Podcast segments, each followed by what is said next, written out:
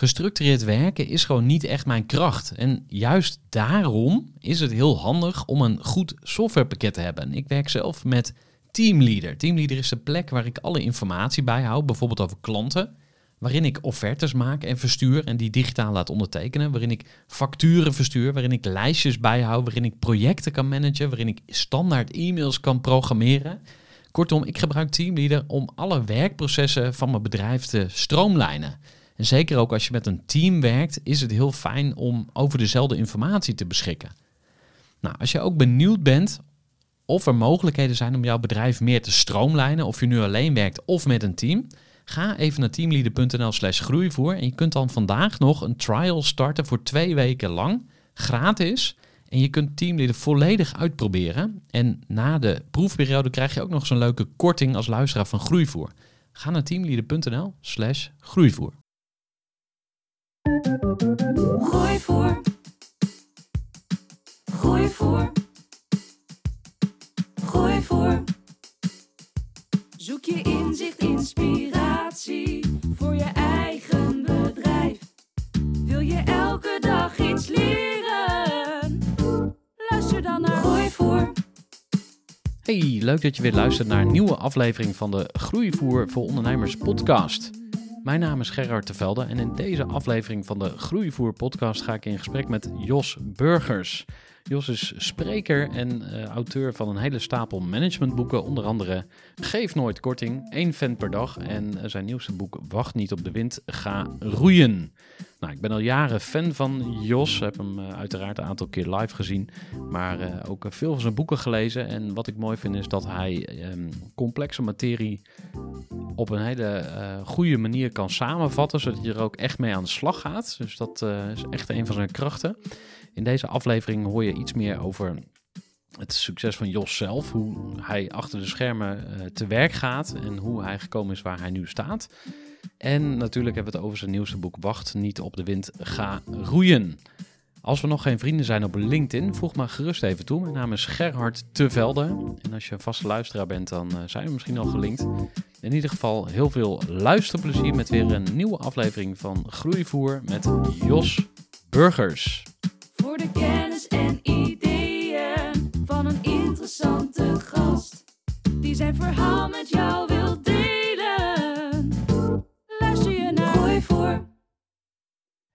Eindelijk in gesprek met eh, een van mijn grootste helden. Al sinds eh, vele jaren eh, veel gevraagd spreker. En ehm, eh, Jos, superleuk dat je tijd wilde maken om eh, even met, eh, met mij te praten. En ehm, ja, natuurlijk vooral voor alle ondernemers die luisteren. Want die kunnen ook wel een steuntje in de rug gebruiken. Zeker na Ja. de afgelopen tijd. Ja, voor wie jou nog niet kent, Jos, zou je jezelf eens willen voorstellen? Eh, ja, zeker. Ik eh, ben eh, Brabander. Dat hoor je hem ook meteen. Ik ben spreker, professioneel spreker tegenwoordig, schrijver, auteur van boeken, managementboeken. En ik ben verder ja, getrouwd met Julia al heel erg lang. En ik ben Willem II fan, supporter, sponsor. Aha. En ik ben 68 jaar. Dat is. Dat zeg ik ook even omdat straks de, misschien de, de ambities als ondernemer wel misschien ter sprake komen. Ja, hij stond op het lijstje inderdaad. Ja. Oké, kijk eens Ja, ja. ja. Je hebt natuurlijk ontzettend veel bereikt. En ehm, eh, wat ik leuk vind is dat je eh, ook vertelt hoe je vrouw heet. Want eh, je vertelt meestal ehm, over jullie hond en over je vrouw. Maar dat ze Julia heet, dat, dat wisten we nog niet. Is, is, is Julia nu aan het wandelen ook met de hond? Eh, nee, die is eh, tennis. Die speelt een tenniscompetitie. Dus die is, eh, ik ben met de hond al vanochtend de bossen en de heide op geweest. Met de nieuwe hond overigens. De oude is er niet meer, Snuf. Die, ja, die was oud en vorig jaar en op. En ze hebben nu een, nieuwe, een nieuw exemplaar, jongen. Ja. Hond. En, ehm, maar dat is echt wel mijn dagelijks ritueel om s ochtends eerst te beginnen met de bossen in te gaan. En ik moet zeggen, ik gebruik dat ook als, als werk, als Mhm. ondernemer. Dus eh, bijvoorbeeld eh, deze zomer heb ik dan een, een boek geschreven waar we misschien later nog even op terugkomen. Hè, over ondernemen in, in recessietijd, in crisistijd. En eh, ik moest daar ja, in vijf, zes weken tijd een boek schrijven. En wat ik dus deed elke ochtend was opstaan, even kort ontbijten, meteen achter het bureau kijken wat ik die dag ging schrijven, ging doen. En dan de bossen in. anderhalf uur met de hond. En dan hoef je alleen maar je hoofd gewoon zijn gang te laten gaan. Meer hoef je niet te doen. Hmm. En wat er dan allemaal opkomt, dat is ongelooflijk eigenlijk. Dan heb je gewoon echt moeite om het te onthouden. En dan moet je echt je telefoon meenemen om het snel in te spreken. Omdat Ja. je anders alles kwijt bent als je terugkomt. Maar ik denk ook wel eens, dat is voor ondernemers ook wel eens wat. Pa- Pak nou eens een uur, anderhalf uur, eh, neem de hond. eh, best alleen, dat is, gaat nog beter dan met je partner. En ga dan gewoon erop uit en neem het probleem gewoon even mee. Dat, dat is alles. Ja, ja, dus als je de juiste vraag meeneemt, dan Ja, komen de antwoorden vanzelf eh, boven. ja, Ja, ehm, ja grappig. Ik, ik ben vandaag de dag begonnen met wielrennen. Eh, Oh. Ik probeer altijd maandagochtend, of als dat niet lukt, dinsdagochtend even eh, op de fiets te springen. En het liefst ook alleen, inderdaad. ja, dus ik vind het leuk dat je dat zegt. Dat je eigenlijk juist als ondernemer de stilte op, op mag gaan zoeken. En dat je daar dan ja, antwoorden vindt of weer ehm, ja, dingen waar je mee- verder kan. ja. En ehm, Eh, Blijkbaar ja. hebben die hersenen het nodig om even echt tot rust te komen en niet afgeleid te worden door allerlei zaken.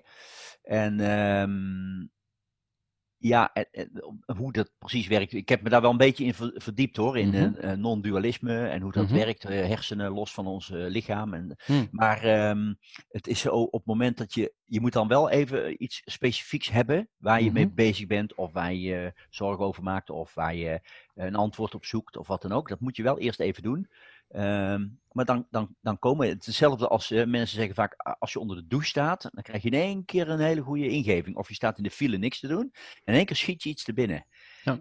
Ja, blijkbaar, eh, dat is wel mooi natuurlijk aan ons mensen, dat, ja, die, die hersenen werken gewoon door. Ja, en ehm, wat is eh, een voorbeeld van een vraag waar jij momenteel veel mee bezig bent?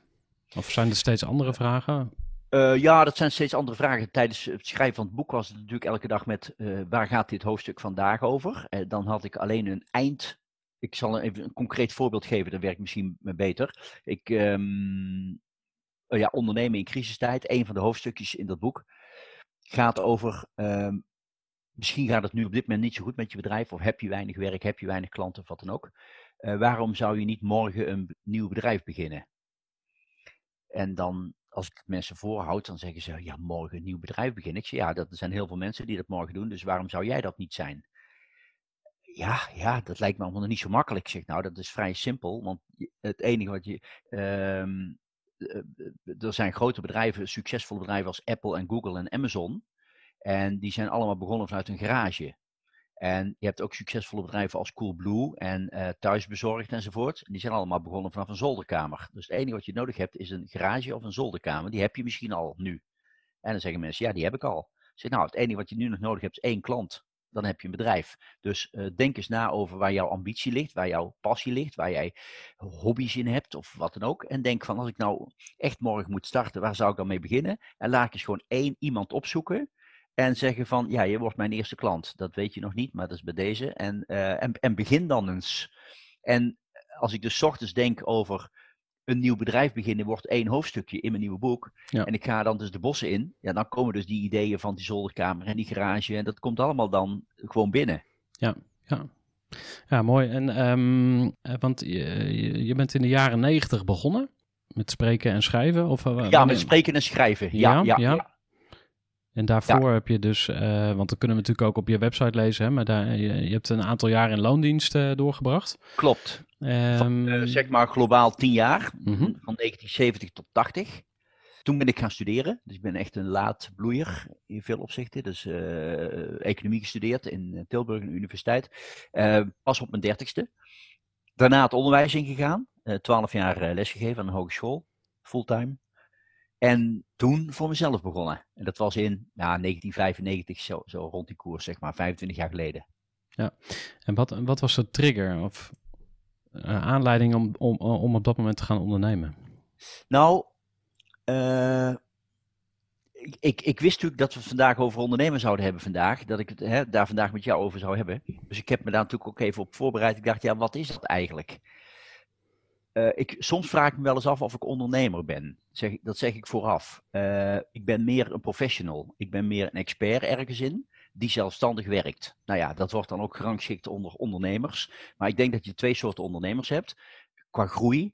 Eh, ondernemers die groeien, die worden gewoon groter en die krijgen steeds meer producten en assortimenten en, en, noem maar op, en medewerkers enzovoorts. En je hebt ook mensen die eh, groeien alleen zelf en die worden beter van jaar op jaar. En daarmee verhogen ze ook hun inkomen en hun eh, continuïteit is daarmee vastgesteld, uh, zeker gesteld. Dus ik denk dat dat qua ondernemen, en ik ben natuurlijk die categorie van expert. Ik hou helemaal niet van leiding geven aan mensen. Ik hou ook sowieso niet van samenwerken. Daar heb ik ook een bloedhekel aan. Dus uh, ja, dan moet je al vooral niet een bedrijf hebben met heel veel mensen, want dan, dat vraagt om samenwerken. Dus je moet jezelf heel goed kennen. Maar dat betekent dus dat je wel zelfstandig ondernemer kunt zijn. En wat mij bracht destijds is. Um, jij hebt een poosje terug in jouw uh, groeivoer podcast heb je ook Jan Verzetten gehad. Mm -hmm. En met Jan heb ik heel veel samengewerkt. En nog, we zijn, heel, we zijn goed bevriend. Maar met Jan heb ik ook seminars gegeven, bijvoorbeeld van een hele dag met z'n tweeën. En, uh, en van Jan heb ik geleerd ooit dat het belangrijk is om te weten wat je drijfveren zijn in het leven. En die moet je als een soort uh, baken gebruiken, zeg maar, om al je beslissingen op te baseren.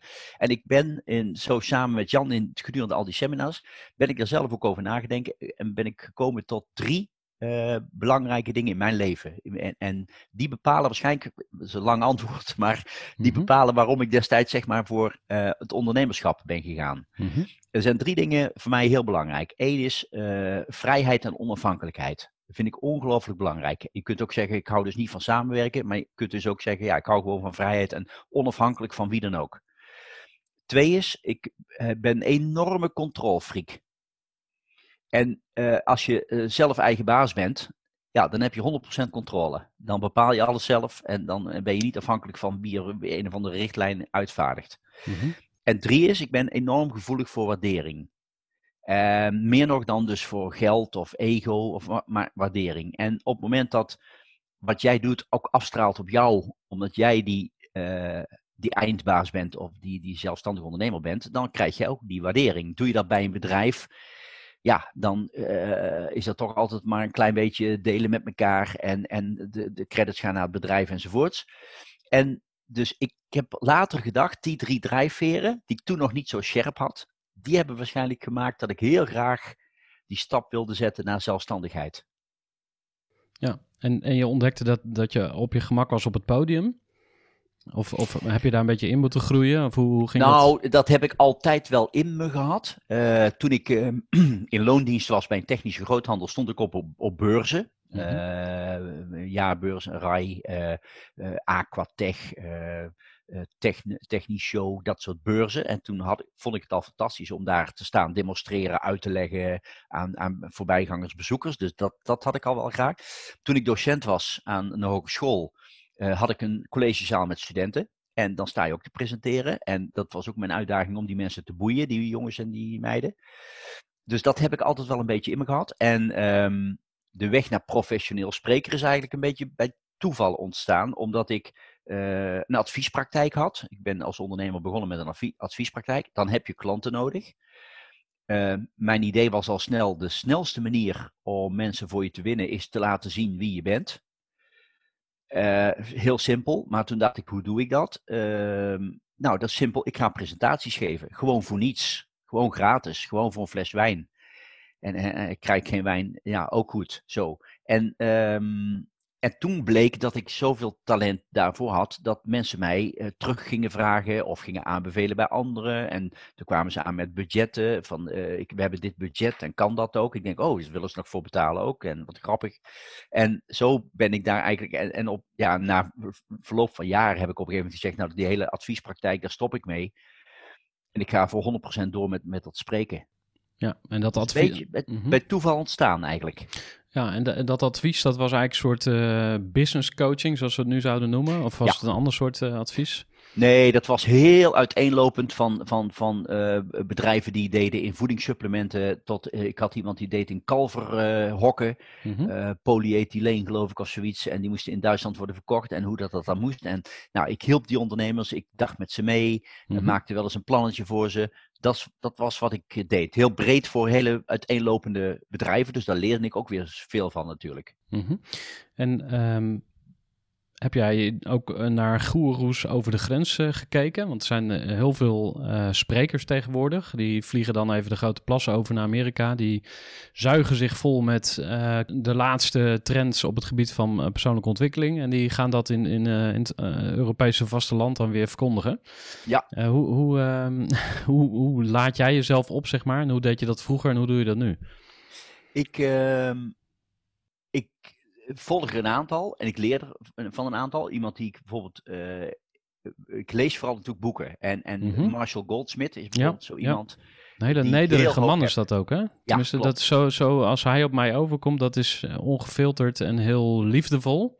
Ja, Ja, daar vul ik het misschien heel erg in, maar... nee, maar dat is, dat is eh, Gerard. Dat is, Hmm. eh, die man is. ehm, eh, ja, probeert niet, heeft in ieder geval niet dat zo'n ego van kijk mij eens of zo. Hè? Hmm. Dus dat, dat spreekt me enorm aan. Maar ook zijn ideeën spreken mij enorm aan. Hmm. eh, in zijn boek. Ik, ben, ook- ik heb ook een keer toen hij in Nederland was, een seminar van hem bezocht. Dus die, die- dat is bijvoorbeeld iemand. eh, ja, iemand anders is bijvoorbeeld eh, Robert Cialdini, hè? Boek Mhm, Invloed. mhm, mhm. Eh, hij komt nu al een jaar of 12, 13 naar Nederland. En ik mag dan een presentatie altijd geven in zijn eh, seminar. Hmm. Dus ik eh, maak hem al 12, 13 jaar mee.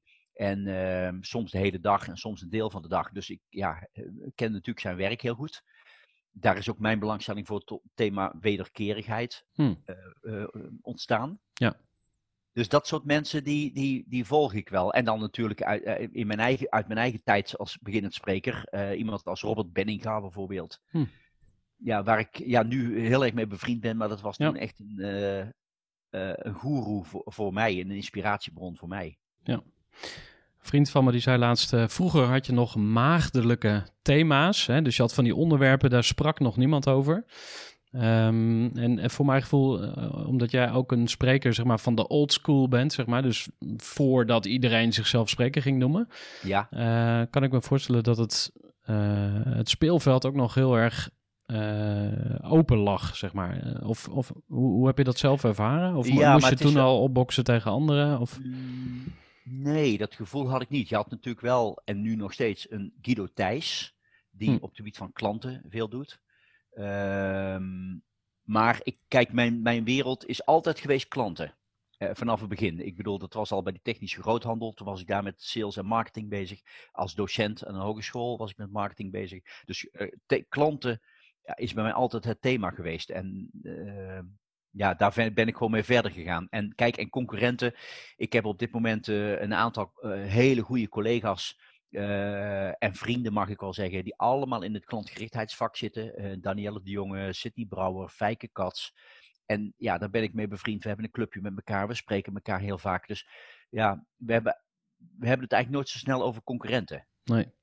En dan komt mij een, een uitspraak binnen: Keep your friends close, but your enemies closer.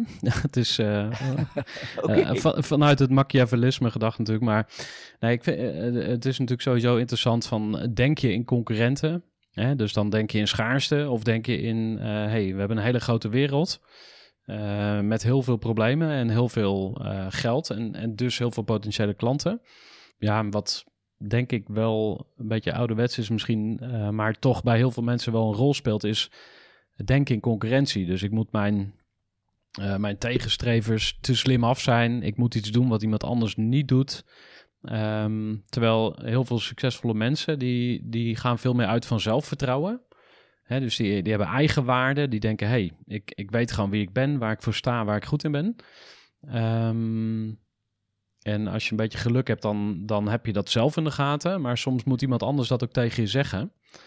Ehm, kan jij je herinneren uit jouw begintijd ook of je toen eh, coaches had of mentoren? Of wie, wie heeft jou eigenlijk ge- geholpen en gesteund in die begintijd? Ja, een Paul Posma.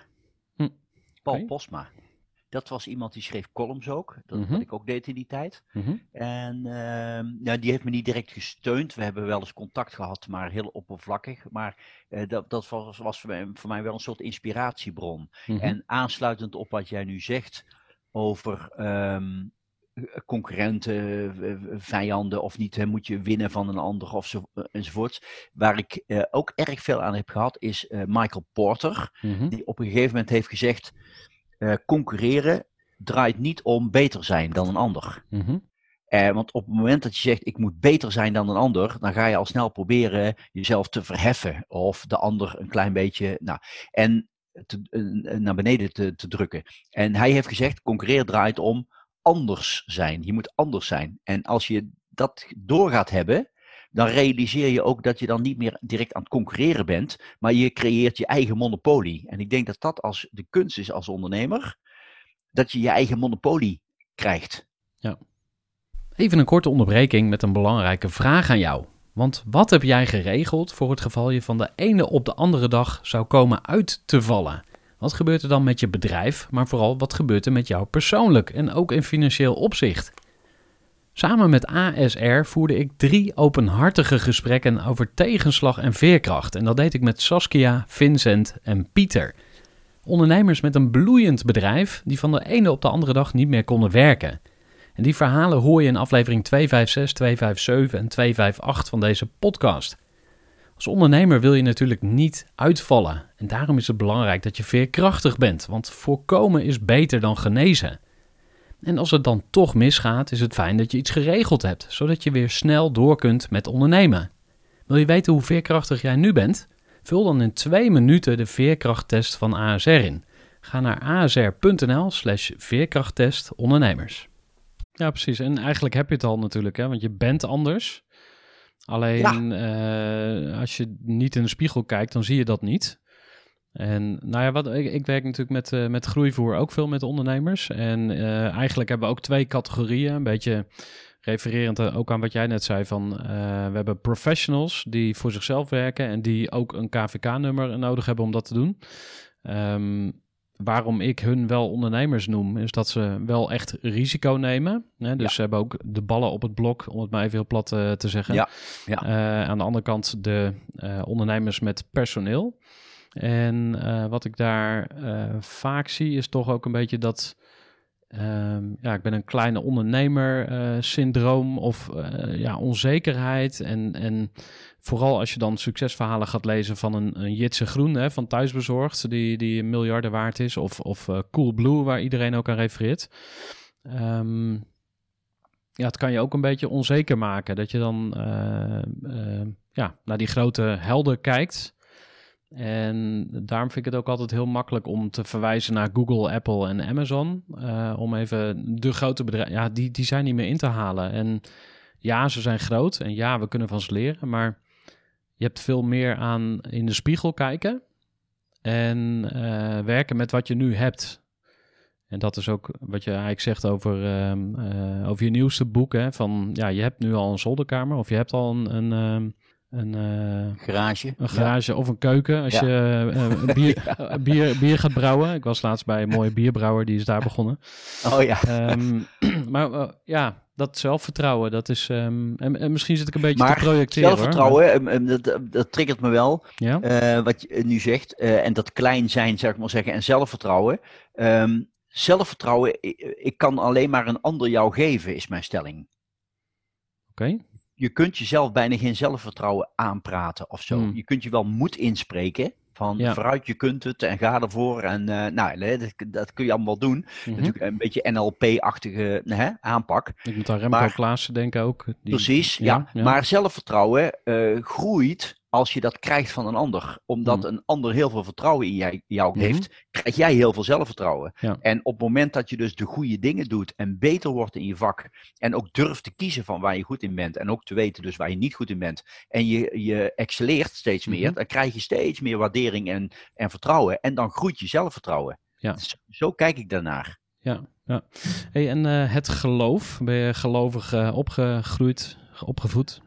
Eh, ja, opgevoed wel. Ja. Ik eh, ben het eh, niet, maar ehm, ik geloof wel in mensen. Ik geloof Mhm. wel ook in de goedheid van mensen. Mhm. Ik geloof, eh, ik ben een enorme ja, fan van het boek van Rutger Bregman, hè? De, de Mhm. meeste mensen deugen.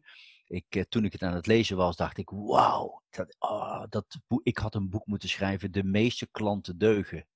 Want dat, Ja. is, dat is ook mijn overtuiging, dat dat zo is. De meeste klanten Mhm. deugen. Ja. Die willen helemaal niet de zaak belazeren of er onderuit zien te komen of wat dan ook. Dat is helemaal niet zo. Mm. En, ehm, eh, maar de, mensen, de meeste mensen deugen. Dus daar geloof ik wel in, maar niet in religies. Ik heb overigens wel eh, veel eh, bewondering voor Mhm. religies, voor ehm, de wijze waarop ze dat zeg maar in een paar duizend jaar voor elkaar hebben gekregen. Als je ziet wat er nu zo al staat overal. Ja, dus het gebeurt. systeem, zeg maar, en wat ze voor Ja, elkaar- dat is gewoon heel knap.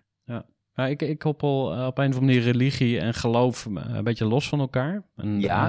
ehm, nou, omdat je dat ook over een, een non-dualisme, hè? dus als je gelooft dat alles verbonden is met elkaar, eh, dan kan je dat het universum noemen of je kan het God noemen. Of, maar nou, daar, en daar gaat het ook mis. Hè? Zodra mensen er een labeltje gaan opplakken, dan, dan vindt ook iedereen er meteen wat van en dan gaan we Ja. met elkaar discussiëren. Ehm, maar wat, ja, wat, wat ik zelf ervaar als ik, als ik op, op de Lekdijk fiets in mijn eentje, dat ik dan Ja. echt in contact sta met ja, het universum of zo, of ja, hoe je het ook wil noemen.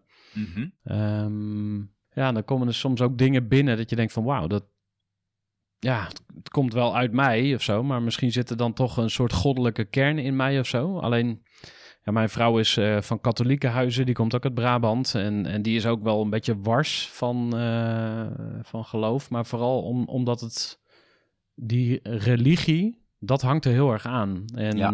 eh, als je zegt van oké, fascisme is ook een religie, communisme is een religie. En zo zijn er systemen die heel ehm, ja, rigide zijn, zeg maar, heel, heel stug. Ja. Nou, dit is geen podcast over, eh, over geloven, maar ik Nee, maar ik probeer ook meer te begrijpen van wie, wie jij bent en wa- ja, wat Ja. jou drijft. En, Nee, maar ik ben wat als katholieke jongen natuurlijk opgegroeid. En ik Ja. zeg wel eens, eh, hè, vroeger dus gewoon naar de kerk elke week. En ja, en ik zeg wel eens, als je elke week hetzelfde hoort, ga je er op- een duur vanzelf in geloven. Mm, En, ja. en dat is natuurlijk ook een klein beetje wat gebeurt natuurlijk in die religies. Ja. En, eh, Ja. ja, nee, maar ik ben wat dat betreft niet kerkelijk of religieus of ook niet eh, gelovend of zo. Nee, Nee. Dat, eh, en ook dat non-dualisme moet ik zeggen, daar heb ik ook wel wat nou, vraagtekens bij af en toe. Ja. Maar goed. Ja, want dat is interessant, hè? Want dat gaat natuurlijk over eigenlijk de essentie, zoals ik het onthouden heb, is van eh, je, je, je hebt eigenlijk helemaal geen invloed op je leven. Ja. Hè, dus wij, wij denken dat we continu keuzes maken, maar non-dualisme zegt eigenlijk van ja, het leven trekt aan je voorbij als een film. Ja. Ehm, ja, ik ben daar ook nog niet over uit. Ik, ik ga Paul Smit nog wel eh, een keer interviewen. Ah dus, ja. eh, en ik heb Patrick al een keer eh, ontmoet. Dus ehm, nou ja. Ja, ik heb van Paul Smit heel veel bekeken. En, ja, en veel films en video's. En, maar ik, ik heb ook wel eens begrepen weer van Guido Weijers, hè, een goede Mhm. vriend van Mhm. Paul. Dat Paul ook wel zelf een klein beetje eh, ja, is gaan nuanceren. Of Mhm. in ieder geval er niet meer zo zwart-wit in Nee. zit. Heb, heb ik wel eens begrepen. Maar Ja. eh, Maar Kijk, kan- wat, ja. ik, wat ik wel mooi vind, is de relaxedheid ervan. Van ehm, wat Jan Verzetten altijd no- mooi noemt, hè, geef de hoop op op een beter verleden. En dat non-dualisme zegt, dingen gaan zoals ze gaan. En ga daar niet aan te veel over eh, zitten tobben en, en zorgen maken. En maak je ook niet te veel zorgen over wat gaat gebeuren. Ehm, ik, ik zie dat heel veel mensen die lossen problemen op die er nog niet zijn. Hmm. Ja, dan zeg ik, ja, wacht eens even gewoon tot probleem er is. En dan gaan we, dan gaan we het dan tackelen op dat moment. Ja. Hè? En, en men, is, men maakt zich veel zorgen terwijl dat niet nodig is. En men heeft spijt van dingen terwijl dat ook geen zin heeft. En dat vind ik wel mooi aan het non-dualisme. ja, toch, toch in het hier en nu leven. En niet alleen Ja. maar. Ja, want als ondernemer, hè, dus eh, dan kun je v- ook terugkijken en dan denk je, ah shit, had ik nou maar dit of dat gedaan, dan was het sneller gegaan of beter geweest, of dan, dan was ik al, eh, had ik al veel meer bereikt. Misschien nog, nog één terugblikje en dan, dan gaan we ook lekker vooruitkijken. Maar is, is, er, Ja. is er iets uit jouw eh, eh, ondernemerscarrière, om het maar toch maar even zo te, te framen, van de afgelopen 25 jaar, Ja. waarvan je denkt, dat had ik net even anders willen doen? Eh, anders willen doen. Kan ook niet, Nee, maar- nee ik, ik, kijk, het, ik denk dat ik. Het enige is, als ik terugblik, ik had het eerder moeten doen. Hm. Dat wel. Oké. Ik ben te lang doorgegaan bij dat bedrijf. Ik ben te lang in het onderwijs blijven eh, zitten. Het waren hele nuttige eh, eh, periodes in mijn leven natuurlijk. Hè? Want ik wil wel zeggen, werken in een familiebedrijf van 150 mensen. Ja, daar leer je gewoon heel veel. Docent aan, aan een HAO, eh, eh, Hogeschool Eind. Ja, daar leer je hartstikke veel. Dus Hm. had ik voor geen goud willen missen. Maar dat had ook wel een paar jaartjes minder gemogen. Ik bedoel, ik had die stap wel eerder mogen zetten. Ja, ja. Dat is het enige wat ik terugblikkend. Maar niet eh, voor de rest is eh, nee. Mooi. Ehm, wat, wat verklaart jouw succes? Hoe, hoe, hoe verklaar je het zelf eigenlijk? Ehm, En, hoe- en hoe succesvol ben je? Is misschien ook wel even leuk om eh, te beschrijven. ja, hoe succesvol ben ik? Ja, waar meet je dat dan af, hè? Succesvol. Ja. Waar, waar meet jij dat dan af? Nou, kijk, sowieso zijn er meer gewoon randvoorwaarden zijn natuurlijk hè, dat je gewoon zegt van ik hoef me geen zorgen te maken over eh, werk en klanten, die komen gewoon vanzelf. Eh, ik hoef me geen eh, zorgen te maken over geld, eh, dat is er gewoon. eh, eh, nou, dat zijn allemaal de, de, de, de harde kanten, zal ik maar zeggen, van succes. Maar als je het hebt over succes in de zin van bijvoorbeeld waardering, dan krijg ik wel ontzettend veel waardering eh, uit het land van mensen. En dat is natuurlijk wel buitengewoon prettig, dat je eh, dat mensen jou waardevol vinden. Want dat is waardering. En ik zit nu bijvoorbeeld sinds twee maanden, is dat ongeveer op eh, LinkedIn. Hè? Mhm. ik, ik zat daar nooit op en ik, ja, ik wilde sowieso helemaal niet op social media. Hè, want ik heb ook de, de filosofie, ja, klanten. Eh, ik, ik word liefst gevraagd door klanten, zeg maar Mhm. even. Hè? Dus als ik zelf aan de weg moet gaan timmeren, vind ik dat al minder. En, ehm, maar goed, er kwam een nieuw boek en mijn uitgever zei: Ga nou op LinkedIn. Dus, dus dat ben ik nu gaan doen. Ja, en dan kom je dus mensen tegen die mij al twintig jaar volgen. Of, of, of, of, ja, en die dus heel veel waardering hebben voor wat ik doe. Ja, dat is wel kicken. Ik, ik, ik zei er straks al, hè, dat is een van mijn drie eh, eh, belangrijke dingen in het leven. Maar eh, succes, als je dat daaraan koppelt, Mhm. Ja, dan is dat wel succes. En waar ik wel trots op ben, als je het hebt over succes en trots, dan is dat dat ik al heel vaak het best verkochte managementboek heb geschreven. Dat, dat vind ik wel. eh, de eerste keer was bij toeval, de, althans bij toeval. Ik was verwonderd dat dat boek zo goed liep. En, en dat dat op enig moment, dus het einde van het jaar, ineens het be- best verkochte boek van een jaar bleek te zijn. En dat heeft me natuurlijk wel enorm gestimuleerd om daar ehm, in te investeren, tijd in te steken en daarmee door te gaan. En wa- wat zijn jouw best verkochte boeken? Nou, het best verkochte is nog steeds van alle tijden is eh, eh, klanten zijn eigenlijk net mensen. Heel oud boek al, maar er zijn er 70.000, zo rond on- ongeveer 70.000 van verkocht. En dan eh, komen er nog heel veel boeken, zoals ja, Geef Nooit Korting, is echt, dat is nu de twaalfde druk, geloof ik, dertiende druk of zo. Ehm, een boek als één fan per dag was het best verkochte boek. Een ander best verkocht boek was Hondenbrokken, een roman over ondernemen. Mhm. Ehm, welke andere boeken? De Wet van Snuf over wederkerigheid. Ja, dat zijn zo wat van die titels van. Totaal 15 boeken heb ik geschreven, maar dit zijn er dan enkele daarvan. En ehm, dan naar het tweede deel van de vraag, of het andere deel van de vraag. Van hoe Ja. verklaar je jouw succes? Eh, door, ehm, door de eenvoud. Ik, ik, ik, ik eh, heb het in me om. Ik kan het en ik hou ervan om dingen simpel te maken. Ehm, en dat heeft te maken, denk ik, met twee dingen. Eén is, ik, omdat ik in dat familiebedrijf ben begonnen, gewoon in de bouten en moeren, bevestigingsmaterialen, noem maar op allemaal. eh, daar word je erg door gevormd als jonge jongen, als je jongen, als van 20 gaat werken. En daar was het, was het vrij simpel. We hadden 45.000 verschillende producten.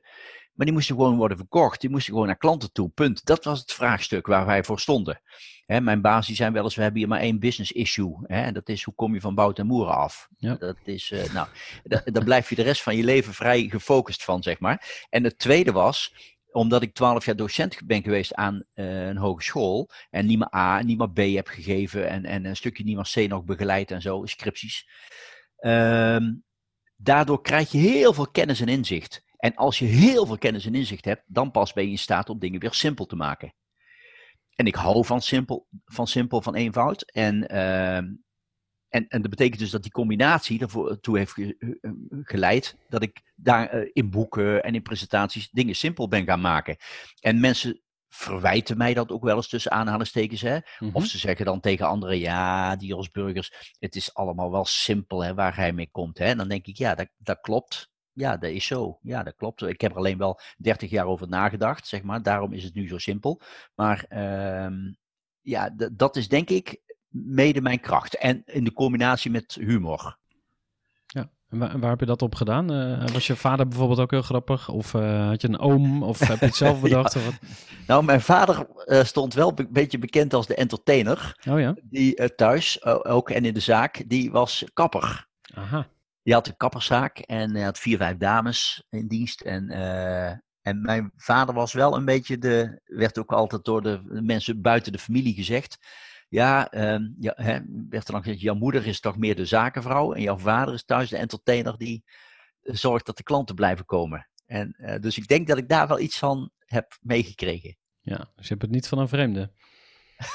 nee, nee, ik denk het niet. Dat, en natuurlijk, daarna in de loop van, de- van je leven word je natuurlijk beter in, omdat je erop gaat letten en je komt erachter dat het werkt. Dus je Hmm. gaat ook, als ik naar cabaretvoorstellingen ga, eh, wat ik vaak doe, dan ga ik niet alleen maar om het te vermaken, maar ik ga ook gewoon kijken, hoe doen die mannen en vrouwen dat? Ja. En wanneer laten ze een stilte vallen en wanneer is er een leuke wending en wanneer, eh, ja, Mhm. Ja, het is echt een vak natuurlijk. En eigenlijk als je een goede salesman bent, hè, want dat hoor ik ook, eh, eh, of, of salesvrouw, maar eh, dat hoor ik ook in je verhaal terug. Van eigenlijk ben je ook een soort een natuurlijke verkoper. Zonder dat je een verkoper wil zijn. Of hè, dat is nou eenmaal ook weer een label wat mensen plakken. Ehm, en een van de lessen die ik ooit een keer ergens hoorde in een podcast ook, dat was dat een grap zorgt dat je ontspant. Waarna de boodschap vervolgens dubbel en dwars binnenkomt. Hè? Dus als je het over eh Cialdini hebt, hè, de, de, de, de, de beïnvloeding. ja, Dan is het dus eigenlijk super slim om, om een grap te maken. Iedereen lacht en vervolgens eh, st- ja, stop je erin wat je, wat je eigenlijk eh, wil overdragen aan boodschap. Klopt. Ehm, En, en zeker Ja. als je een grap dan maakt ten koste van jezelf, ja, oh ja, oké. dan wordt het nog sterker. Want dan, Ja. dan, dan stel je jezelf kwetsbaar op. Hmm. Daar word je aantrekkelijker van. Ja. Mensen denken soms dat je daar zwakker van wordt, maar dat Hmm. is niet zo. Ja. En ehm, eh, hè, dus als ik bij het begin van een presentatie zeg dat ik boeken schrijf die vrijwel niemand leest, Hmm. dan, dan vinden mensen dat wel grappig. En dan eh, maakt mij dat sympathieker richting de zaal. In plaats van dat ik zeg, ja, jullie weten waarschijnlijk niet hoeveel boeken ik al geschreven heb met veel succes. Eh, begrijp je? Dat kun je ook zeggen als intro. Ja, ja slim. Ehm schiet het mij ook meteen een paar nieuwe eh, eh, boektitels te binnen. Dus die wil ik je dan meteen ook eh, gra- gratis meegeven. De kunst, Ja. van, de kunst van het platslaan. Want dat is eigenlijk wat jij als eerste zei van... hey, ik, ik maak het gewoon heel simpel. Ja. En in essentie zijn heel veel dingen zijn ook simpel. Dus ja, dat, dat is natuurlijk ook zo'n bekende uitspraak. Maar we zijn heel goed in dingen ingewikkeld maken, ook in bedrijven. Jawel, maar dat is misschien toch te makkelijk, zoals je dat nu ja. zegt. Eh, kijk, op het moment dat ik iets bedenk wat super simpel is, wat leidt tot een bepaald gedrag, houding, Mhm, eh, mhm. resultaat, invloed uitoefenen of wat dan ook. Hè? Als mensen dat dan horen, dan denken ze, ja, dat lijkt voor de hand liggend, simpel. Alleen, eh, mensen komen er niet op. Dus ik, maar ik zal een simpel voorbeeld geven. Mhm. Ehm, als het gaat over sales, verkopen, klanten, dan weten we allemaal, eh, het is belangrijk om te luisteren. Hè, Dat Mhm. we lees je in geval overal luisteren. Dan zeggen mensen, ja, je moet dus vaker luisteren. En dan zie ik naar die verkopers zitten. En dan, die zijn helemaal natuurlijk niet goed aan het luisteren. Die zijn alleen maar met zenden bezig, hè? Ja. Zoveel mogelijk. En dan wordt er gezegd in, eh, in het verkoopvak, maar ook in het adviesvak, bij adviseurs, wordt gezegd, ja, je moet op zoek naar de vraag achter de vraag. Mhm. Ja, dat weet iedereen. Ja, dat klopt. Je moet op zoek naar de vraag achter de vraag. Nou, dan ben ik dan eh, over aan het nadenken. Dan ben ik een boek aan het schrijven. En op enig moment kom ik dan tot het inzicht. Wat is nou eigenlijk op zoek gaan naar de vraag achter de vraag? Dat is gewoon simpel. Geen antwoord geven op een vraag. Dat als een klant een vraag stelt aan jou van ja, maar gaat dat dan lukken binnen een maand of drie? Krijgen jullie dat voor elkaar binnen een maand of drie? Dat is dan de neiging van de ander om antwoord te gaan geven. Dat ga je doen. Ja. Maar op het moment dat je antwoord geeft, ga je niet op zoek naar de vraag achter de vraag en je luistert niet. Ja. Dus alles wat we eigenlijk afraden, gebeurt dan niet. Dus heb ik op enig moment bedacht, eh, leer je nou eens aan om geen antwoord meer te geven op vragen van klanten. Mhm. Nou, dat vinden mensen A, even heel raar en, en heel moeilijk even. En daarna denken ze eigenlijk, ja, is eigenlijk heel simpel. Je moet gewoon geen antwoord geven op een vraag. Eh, nee, dat klopt. Een klant stelt een vraag, eh, drie, vier maanden. Eh, gaat dat lukken, denken jullie? Nou, dan kun je tegen de klant zeggen, nou, ik, ik, blijkbaar is dat voor u heel belangrijk, die drie, vier maanden. Mag ik vragen, hoe komt dat zo? Of van waar die vraag? Nou, en dat, het enige wat je dan doet, is geen antwoord geven. Ja.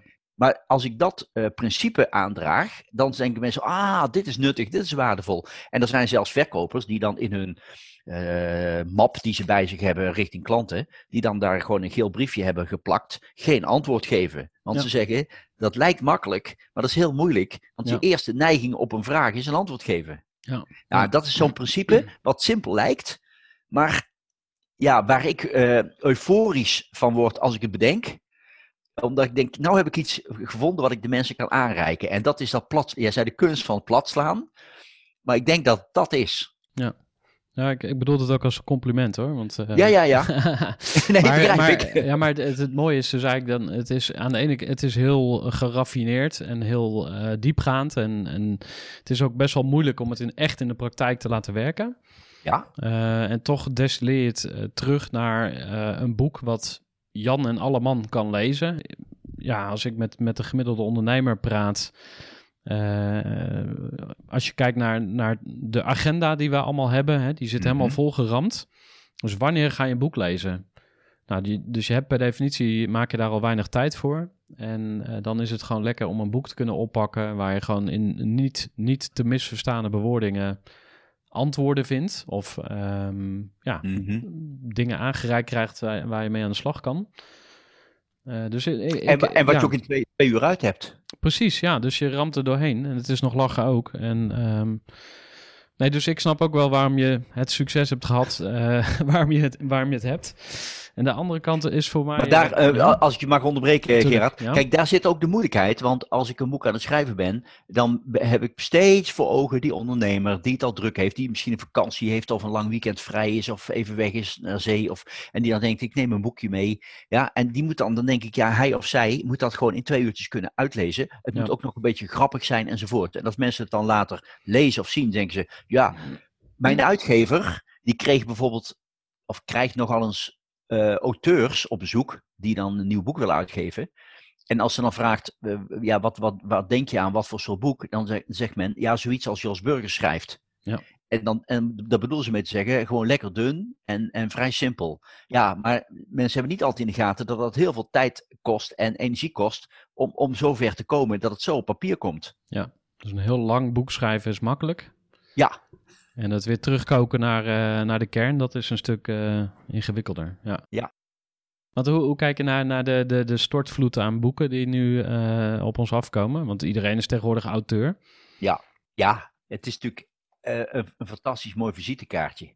Mhm. En dat is natuurlijk ook de reden dat er heel veel verschijnt, heel veel boeken verschijnen. En, en, en ja, die eh, Frank Kwakman, waar ik twee boeken mee heb geschreven, heeft ooit een onderzoek gedaan naar managementboeken. En die kwam tot de conclusie dat eh, heel veel gesprekken met, eh, met auteurs en met uitgevers en, en managementboek.nl. En die kwam tot de conclusie dat 9 van de 10 managementboeken komen niet verder dan de eerste druk. En de Mhm. eerste druk is 1500 exemplaren. Ja. En dus die boeken die blijven steken op 500 boekjes, 1000 boekjes en that's it. En ja, 1 op die 10 eh, komt dan verder. En dat is dan ook eh, meteen ook de, de winst, eh, de, de cash cow voor de uitgever. En dan moeten die andere 9 van worden betaald, zal ik maar zeggen. En, Ja. eh, maar in heel veel gevallen blijft het dus alleen maar een visitekaartje. Een, eigenlijk een hele mooie brochure die je weggeeft links en rechts. Groeivoer. Ja, dat is een eh, mooi gesprek tot nu toe al. En er komt nog een heel mooi eh, deel aan, deel 2 van dit gesprek. Maar even kort iets over groeivoer. We helpen dus ondernemers bij het laten groeien van zichzelf en hun bedrijf. Als jij ondernemer bent, lijkt het me leuk om jou een keer te ontmoeten. Een eerste stap zou kunnen zijn om eh, mij even toe te voegen op LinkedIn. Mijn naam is Gerard Tevelde. Maar je bent ook welkom om een keer te komen kennismaken bij de Groeiclub. De Groeiclub voor ondernemers. Dat is eigenlijk... ehm, een ondernemersnetwerk en een mastermind groep in één. Zijn inmiddels ruim 40 ondernemers aangesloten en we zijn pas net begonnen.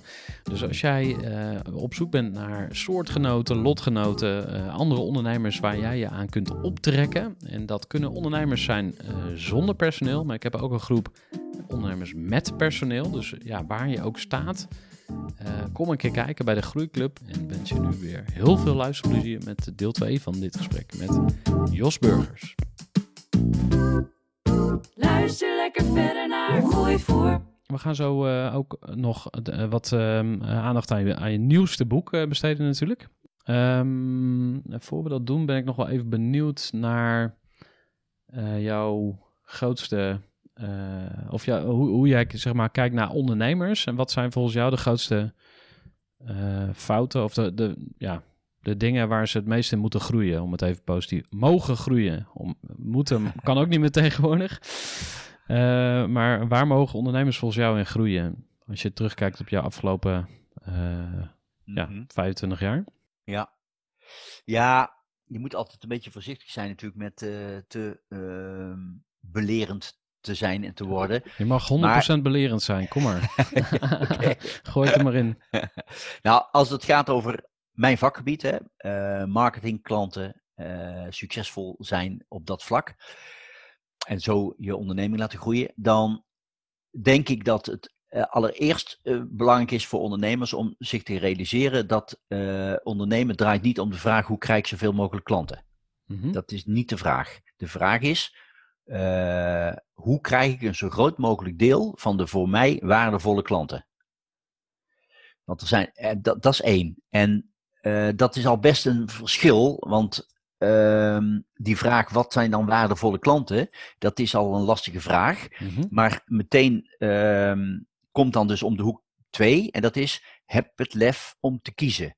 En je ziet dus dat ondernemers, die zijn altijd een beetje opportunistisch. Dus die pakken elke kans die er voorbij komt, zal ik maar zeggen. Met als risico dat geen hond meer snapt wat ze precies doen en waar ze goed in zijn. Ja. Ik heb op dit moment, eh, dit, dit laatste half jaar, met heel veel belangstelling gevolgd het succes van Zoom, van, Mhm. van de videocommunicatie. hè. En ehm, ik was meteen, toen ik daar kennis mee maakte, onder de indruk. Ik denk, wauw, wat goed. eh, die hebben, doen gewoon één ding. Gewoon Zoom, meer niet, punt. En de hele wereld heeft het ineens over, goh, zullen we dan een Zoom-meeting doen? Ja. Terwijl ze daar nog nooit voor geadverteerd hebben. Grappig, hè? Ja. Dat vind ik zo knap. En eh, ze geven het ook gewoon gratis weg. Hè? Je mag elke dag 40 minuten gratis, hè? als je geen abonnement neemt. Mag je 40 met vrienden, kennissen, collega's. Mag je, als je zegt een half uurtje hebben wij genoeg, nou dan mag het gewoon gratis. Doen ze ook super slim. Want dat betekent dat ze heel veel mensen kennis laten maken met wat het inhoudt. Ja. Er liggen niet eh, meteen allerlei drempels. Maar die hebben dus heel duidelijk voor ogen van wie willen wij gewoon zijn en wie wel en wie niet. En op dit moment zijn ze bijvoorbeeld bezig met eh, ook hardware erbij. Dus Hm. schermpjes, iPadjes die speciaal alleen maar voor Zoom zijn. De buitenwereld die zei dan, ik volg dat dan een beetje, die discussies in Amerika, die zegt dan wa- waardeloos, ze snappen er helemaal niks van. Mensen hebben al een iPhone, een iPad, en die hebben een tablet en dan gaan ze dat ook nog leveren. Maar de gedachte achter, erachter is, ze willen zover gaan dat ziekenhuizen en scholen, in plaats van die leerlingen een boek meegeven, krijgen ze gewoon één eh, dingetje mee. Die patiënten in een ziekenhuis, die naar huis mogen, die krijgen een dingetje mee. En dat is elke week, de specialist, die neemt even elke week vijf of tien minuten met u. En dan heeft u hier een apparaatje, hoeft u alleen maar aan te zetten. En, en denk ik, wauw, daar is zo goed over Ja. nagedacht. Ja, Dus, dus, dus- ja. en, en dat is wat ondernemers, dus wie zijn voor mij de meest waardevolle klanten? Hoe krijg ik daar een groot gedeelte van? En heb ik dus het lef om eh, voor mezelf vast te stellen, Mhm. welke klanten heb ik liever niet? Ja. En die vraag moet een ondernemer zich. Ik, ik, als ik een zaal met ondernemers heb, dan stel ik wel eens de vraag: welke klanten heb je hopelijk over drie jaar niet meer? Ja. En dat vinden ze een hele rare vraag, even heel moeilijk. Want dan denk je, ja, hoezo? Ik ben blij met klanten en iedereen is hier welkom. En eh, als je neemt, dat is groeien. Groeien is een richting hebben. En een richting hebben wil zeggen, sommige klanten horen daar gewoon niet meer bij. Ja. En dan wordt er gezegd, ja, maar we hebben een hotel, restaurant, café. En we hebben, eh, ja, dat hotel dat wordt steeds eh, moeilijker met al die Van de Valken en al die Fletcher hotels, noem maar op. Maar ja, we hebben nog steeds vier mensen die komen elk jaar hier in het hotel. Die komen hier eh, al 50 jaar. Hè? Dan zeg ik, laat die lekker gewoon komen. Maar dat is dan niet meer je business. Dus haal van je site dat je nog een hotel hebt enzovoort. Maar durf één kant op te gaan. En ehm, wat, ik, wat ik ook wel een beetje tussen... Want ik vind het Zoom-voorbeeld heel mooi. En, en eh, als je het hebt over durven kiezen... Die kiezen dus nu ook voor devices. Eh, Ja. Dat is precies ook wat, wat Apple gedaan heeft hè, met de iPhone. Die zeiden van... Hé, hey, maar wij hebben gewoon een, een gesloten systeem. Hè. Ehm, eh, je hebt voor een, iPhone heb je een speciale oplader nodig. En je hebt alles, alles is, is zeg maar rondom dat device. Ja. En, het, en het, het sluit nergens op aan. En dan denk ik, ja, wat zijn dat voor eigenwijze drollen? Ik word, helemaal, ik word er helemaal gek van.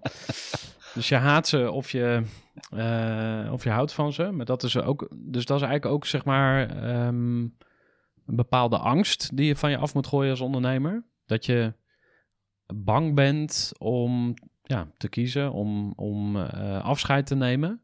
Ja. En jij zegt dus van je moet regelmatig een klant ontslaan. Nou ja, je hoeft dat niet regelmatig te ontslaan, maar die, voor die mensen word je op een duur steeds minder, vanzelf minder aantrekkelijk. Mhm, Ja. Als je die keuzes maakt. Ja. Maar, en soms moet je gewoon bewuste keuze maken en Ja. dus iemand eh, verwijzen naar een ander. Omdat, je, omdat, die, omdat iemand daar, omdat je daar gewoon goed in bent. Kijk, ik, heb, ik gebruik altijd de, de driedeling. Snappen, onthouden, doorvertellen. De Mhm, kern is, A, snappen mensen waar jij goed in bent, voor wie jij er bent. En dan snappen ze dus vanzelf voor wie niet. mhm. B, onthouden ze dat, weten ze dat na een week nog. En drie, gaan ze het doorvertellen. Nou, als je naar Zoom kijkt, A, mensen snappen hartstikke goed waar ze voor staan. B, ze onthouden het, ze weten het na een week nog. En, en C, ze gaan het doorvertellen aan een ander. Ah, dan moet je bij Zoom, kijk maar daar enzovoorts. En eh, als je dus te veel doet, dan gaan al die drie die dingen niet werken. En dat Ja. betekent dus soms dat je soms klanten verwijst naar een ander. Als ik naar mezelf kijk, ik doe bijvoorbeeld nooit dagvoorzitterschappen. Nee. Er zijn heel veel sprekers die zeggen, oh, dat, nee, maar dat kan ik ook. Ja, maar dan bedoelen ze, ik hou van die euro's. Ja, een beetje bijbeunen en lekker het geld binnenharken. En, eh, Maar dan, dat, dat doe ik niet. Ik doe ook sinds vijf, zes jaar eh, geen Engelstalige presentaties meer. Nee. Ben ik gewoon mee gestopt. En anderen zijn er heel goed in. Ben Tegelaar kan natuurlijk geweldig. Zelf een jaar in Amerika gewoond mhm. met zijn gezin. Ja, die doet dat fantastisch. Maar ik gewoon niet. En, en niet, ik heb zelfs nog Engels gestudeerd lang geleden, toen ik jong was. Maar Mhm. dus het is niet zo dat ik het niet kan. Ja. Maar ik vind het dan niet top. Eh, ik voel me niet helemaal vrij. Ik heb te weinig controle. Afijn, dan komen die drie drijfveren weer terug. Want bij drijfveren staat niks over eh, legacy, eh, over ehm, eh, ik wil pompen slaan in Afrika of ik wil ehm, ehm, CO2 terugdringen of dat, dat soort hogere eh, doelen. Is, eh, is misschien ook een bruggetje naar eh, wat, wat wil je nog bereiken? Wat, wat wordt jouw soort van... eh, Ja, kijk, eh, ik, ik ben wel voor eh, een betere wereld en voor helpen. Hè. Mhm. Eh, ik sta, even kijken, over, wanneer is het, twee weken geloof ik, sta ik bijvoorbeeld voor de Stichting Anders. Hm. Dat is een stichting die eh, in Nederland eh, ondernemers helpt, eh, ja, eh, eh, eh, koppelt aan mensen die het hard nodig hebben. En dat doe ik dan gratis. Dus ik doe ook de nodige dingen gratis. Robert de eh, Heer is dat eh, volgens mij, of ja, niet? Ja, ja, die ken ik goed. Die, eh, Ah. die heb ik ehm, samen een event mee georganiseerd. Dus eh, Oh, kijk eens aan. Nou, ik heb hem gisteren een uur aan de telefoon gehad als voorbereiding op die, eh, op die avond die ik daar gratis ga verzorgen. ja, ja, Eh. Alleen ik maak daar niet te veel reclame voor. Ik, ik Mhm. doe het wel. Ik heb eh, eh, mijn boek De Wet van Snuf bijvoorbeeld. Hè, daar gaan alle royalties naar de Stichting Hulphond. Aha. Nou, die hebben inmiddels meer dan 50.000 euro gekregen eh, vanuit dat boek.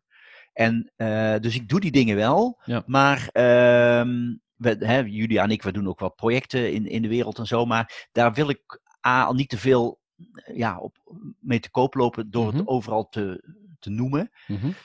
Ja, dat is eigenlijk mijn, mijn achtergrond. En Ja. voor de rest ben ik eh, ja, wel met milieu bezig, maar niet, eh, ja, Het is ook een hele makkelijke vraag om te stellen. En mensen gaan ook altijd een klein beetje zo, ja, eh, ja, ja, hoe moet ik dat nou zeggen? Kijk, ja, ik, ik ben ook een idealist, maar ik doe ook heel veel dingen die, die misschien nog veel beter zouden kunnen. En, en kritiek leveren is ook heel makkelijk, hè? Dus dat eh Brené Brown, ik weet niet of je die Ja. eh, Ja, ja. wat zegt. Nou ja, die zegt dat ook. Die zegt van ja, je steekt je nek uit. Nee, je neemt een risico en dat is ook wat ondernemers doen. Ja. En dan vinden mensen het heerlijk om daarop te zeiken. Dus ehm, eh, mensen zouden ook eh, tegen jou kunnen zeggen van... ja Jos, wat doe je nou eigenlijk voor de wereld? Maar jij doet het op jouw manier en je houdt het ook graag een beetje bij je. Dus zodat je niet daarmee te koop hoeft te lopen. Ehm, Nou, ik vind, wel, ik vind het wel een mooi punt dat je dit aansnijdt. Want Ja. eh, als ik ondernemers voor me heb, dan geef ik ze wel altijd mee. Ik hoop dat het je heel goed gaat. Ik ga je vandaag helpen meer geld te verdienen. Maar ik hoop wel dat je daar iets moois mee gaat doen. Ja. Eh, al is het een, een bordje voor de voetbalclub bij jou in het dorp. Ja. Waar je geen moeren hebt aan zo'n bord. Het is alleen leuk voor jezelf dat je jezelf ziet hangen. maar dan help je wel die voetbalclub mee. Dus als die nou Ja. morgen komen en die zeggen... "Goh, zou u ons weer een bordje willen hangen voor 300 euro? Dan moet je gewoon zeggen, ik heb er geen moer aan, maar hang maar Ja, neer. En dat is wel... Dus ik geloof wel in... eh, ondernemen doe je, alleen, doe je niet alleen maar om gewoon heel veel geld te verdienen en that's it. Mhm. Dat vind ik heel plat. Dus Ja. ik denk, ik geloof wel in heel veel geld verdienen, maar doe er wel wat mooie dingen mee. Ja, dus niet alleen maar oppotten. Laat het. Nee, en dat kan, dat kan van alles zijn. Hè? Dat kan ook zijn mensen met een, met een eh, achterstand tot, tot de arbeidsmarkt gewoon in dienst nemen. Dat je zegt van, ja, die Henk, ja, eh, was het maar een halve, maar hij is niet eens een halve, maar we houden hem wel in dienst en hij heeft het hier zo naar zijn zin en wij zijn gewoon blij met Henk. En, en die, die mindere productiviteit, die nemen we gewoon op de koop toe. En Ja. daar geloof ik wel in, dat dat ook ondernemen is. Ja, ja. Maar dat kan pas als je je broek eh, op kunt houden. Ja. Ja, want dat is natuurlijk een, eh, een voorwaarde inderdaad. En dat is nu in deze tijd ook een, een, ja, een extra pijnlijk punt, denk ik. Als ik naar mijn eigen situatie kijk, ik heb twee bedrijven. En dankzij corona kwam eigenlijk aan het licht dat eh, we te weinig buffers hadden opgebouwd. Hè? Dus in één Mhm. keer viel de omzet eh 60% terug. Ja, Ehm, nou, met mij eh, vele anderen in Nederland die in één keer eh, ontdekten van... hé, hey, mijn bedrijf staat er eigenlijk helemaal niet zo lekker voor. Ehm, jij hebt een boek geschreven om ondernemers te helpen... die eh, nu inmiddels alweer eh, een half jaar eh, geleden in een soort andere wereld zijn beland. Ja, ja. Ehm, zou je ons, ja, wellicht ook tot slot van dit gesprek, hè, want eh, Mhm. we hebben allebei een passie voor klanten en, en, en marketing en sales. We Ja. moeten toch ook deze aflevering een beetje binnen de perken houden. Maar kun je ons eens kort meenemen in, in je laatste boek? En waarom moeten we het gaan lezen? Nou, kijk of, of mensen het moeten lezen. Dat mag mij, je zelf weten. ja, precies. Voor mij hoeft niets. Eh, want ik weet dat ondernemers hebben ook een, een enorme hekel aan moeten. Als iemand Ja, gaat zeggen, jij moet eens en zo, dan zie je al... die eh, vrijheid. Ja. nee, maar ik zal... Kijk, ik heb het boek geschreven deze zomer. ehm, in, in, in een korte tijd. En het is nu net een paar weken uit. Of, nou, een- twee weken pas uit. Het boek heet Wacht niet op de wind, ga roeien. Nou, een metafoor dus voor wacht niet op betere tijden. Dat is eigenlijk de, de metafoor. Maar ga roeien, kom gewoon in beweging. En wacht ook niet van, ja, ook niet van, je kunt de windrichting niet veranderen, maar wel je zeilen. Ja, als er geen wind is, valt er ook geen, eh, nou, niks te veranderen aan de zeilen. Mhm. Dus eh, ga roeien. Dus kom in beweging, ga wat doen. Ehm, de kern van het boek, als ik het moet zeggen, er zijn vijf delen. En elk deel bestaat uit vijf simpele hoofdstukjes met een tip op het eind. Ehm, eenvoudig gezegd gaat hoofdstuk 1 over, ben je ervan bewust dat er gewoon een paar moeilijke jaren aan gaan komen. Ook al heb je een bouwmarkt, ook al is het op dit moment gewoon niet aan te slepen. In die sector wordt nu al gezegd, we gaan het moeilijk krijgen, want mensen krijgen daar minder inkomen, door echt de on- eerste ontslagen gaan vallen. En dan gaat er een pessimisme komen, mensen Hmm. gaan geld opsparen, geven het niet meer uit. Dus hou er rekening mee, dat valt dadelijk gewoon terug. Dus Hmm. eh, één is, en ik heb daar in dat eerste deel bijvoorbeeld aangegeven, je kunt beter 20 klanten kwijtraken op één dag. Dan in 20 weken tijd elke week één. Hmm. Want dan weet je meteen waar je aan toe bent. Dan schrik je Mhm. en dan ga je wat Ja, doen. Kom je in actie. En als je er elke dag eentje kwijtraakt, dan denk je elke dag, oeh, oeh nou dat is niet best. Eh, laten we maar hopen dat binnenkort weer een beetje en zo. En eh, als je 20 weken verder bent, ben je er ook 20 kwijt. Gekookte kikker eh, effect, zeg maar. Precies, Ja. ja. Dus dat is eigenlijk in deel 1, is dat globaal gezegd, ehm, de mensen eigenlijk voorbereid op een andere mindset. Ga eens met andere ogen kijken naar je organisatie. Deel 2 gaat over, eh, houd wat je hebt, ook al levert dat niks op. Dus wat ik veel te weinig zie, is dat men contact eh, onderhoudt met klanten, met cliënten of wat dan ook. Eh, waarom? Ja, omdat er niks te doen is. Hmm. Maar dat is een ramp. Want eh, op het moment dat er dan weer even wel, wel wat te doen is, ben je die mensen ook gewoon kwijt. Ik, ik maakte mee dat ik een, eh, iemand waar ik elk jaar een flink contract mee afsluit, die, eh, daar hoorde ik gewoon vier maanden niks van, vijf maanden niks van. Terwijl we altijd wel een paar keer per jaar even contact hadden. Hmm. En na vier, vijf maanden belt hij op met van over het contract wat hij weer wilde laten tekenen door mij. En het eerste vraag, de eerste vraag van hem was natuurlijk van, goh ja, hoe gaat het nu met je zo in deze tijd? Maar toen dacht ik, dat interesseert jou geen moer. Ja, jij vindt gewoon dat je dat uit fatsoen moet vragen, Hmm. omdat je belt voor een handtekening voor dat contract. Hmm. Maar toen dacht ik, nu ga je dus mijn tijd zitten verspillen. Ja, omdat je zogenaamd doet alsof je belangstelling voor mij hebt. Maar als je mij nou de afgelopen vier maanden een keer had gebeld. En je zegt, ik, ik moest ineens aan je denken. En ik was toch maar benieuwd, hoe gaat het nu eigenlijk met je? Want het zal wel een drama zijn. Dan had ik dat een veel fijn eh, telefoontje gevonden. Ja. En dan had hij mij een maand later mogen bellen voor dat contract. Ja. Ja, en dus deel 2 gaat helemaal over wie heb je nu, eh, hoe, hou, hoe hou je daar contact mee. Dan gaat deel 3 over ehm, buig niet voor meer voor minder. Dus ga niet eh, iets aan je prijzen doen, je voorwaarden aanpassen, omdat het crisis is. Omdat je Ja. klant het moeilijk heeft, dat jij ook maar met je prijzen gaat, naar beneden gaat. Dus er komen hele simpele tips over hoe ga je daarmee om. Deel 3. Deel 4 gaat dan over eh, hoe hou je omzet overeind nieuwe business. Dus het voorbeeld wat ik straks gaf van je be- begin, morgens met een nieuw bedrijf. Of ga eens een andere markt verkennen met wat je nu al doet. Eh dat gaat over nieuwe business. Deel 4. En deel 5 gaat over ehm, gebruik de tijd nu om na te denken over hoe kom ik straks sterker uit de crisis. Ehm, waar we het er straks over hadden, dat snappen, onthouden, doorvertellen. Laat ik nu de tijd eens pakken om eh, mijn onderscheidende waarden te definiëren en eh, me, af te vragen van welke maatregelen moet ik nu nemen, ook Mhm. richting medewerkers enzovoorts, om straks weer eh, ja, anders te zijn dan concurrenten, daar minder last van te hebben en, en ook weer vol te kunnen gaan, zodra de economie weer wat aantrekt. Dus dat zijn de vijf delen van dat boek, eh, Gerard. Heel interessant. Er zit heel veel in dus. We gaan natuurlijk ehm, met plezier ook een aantal van jouw boeken weggeven. Ehm, en ehm, daar komt nog een winactie voor online. En je geeft zelf ook 100 boeken weg, eh, heb ik gezien. Ja, klopt. Dus heb dat ik al is, eh, gedaan als actie voor eh, in plaats van een dure boeklancering. Ja, In precies. plaats van borrels en bitterballen, Ja. dacht ik, ik kan ook gewoon 100 boeken weggeven. Ja, super tof. Nou, hartstikke bedankt Jos voor, voor dit mooie gesprek. En, Jij ehm, bedankt, want ik vond het eh, heel plezierig. Dankjewel. Heerlijk om Oh. eh, zo'n uurtje over jezelf praten is toch wel lekker. En dus dank je wel daarvoor. La- laten we het gewoon elke week doen. eh, en dank voor je bijdrage aan deze podcast. Heel graag gedaan. Ja, dat was hem weer. Een mooi gesprek.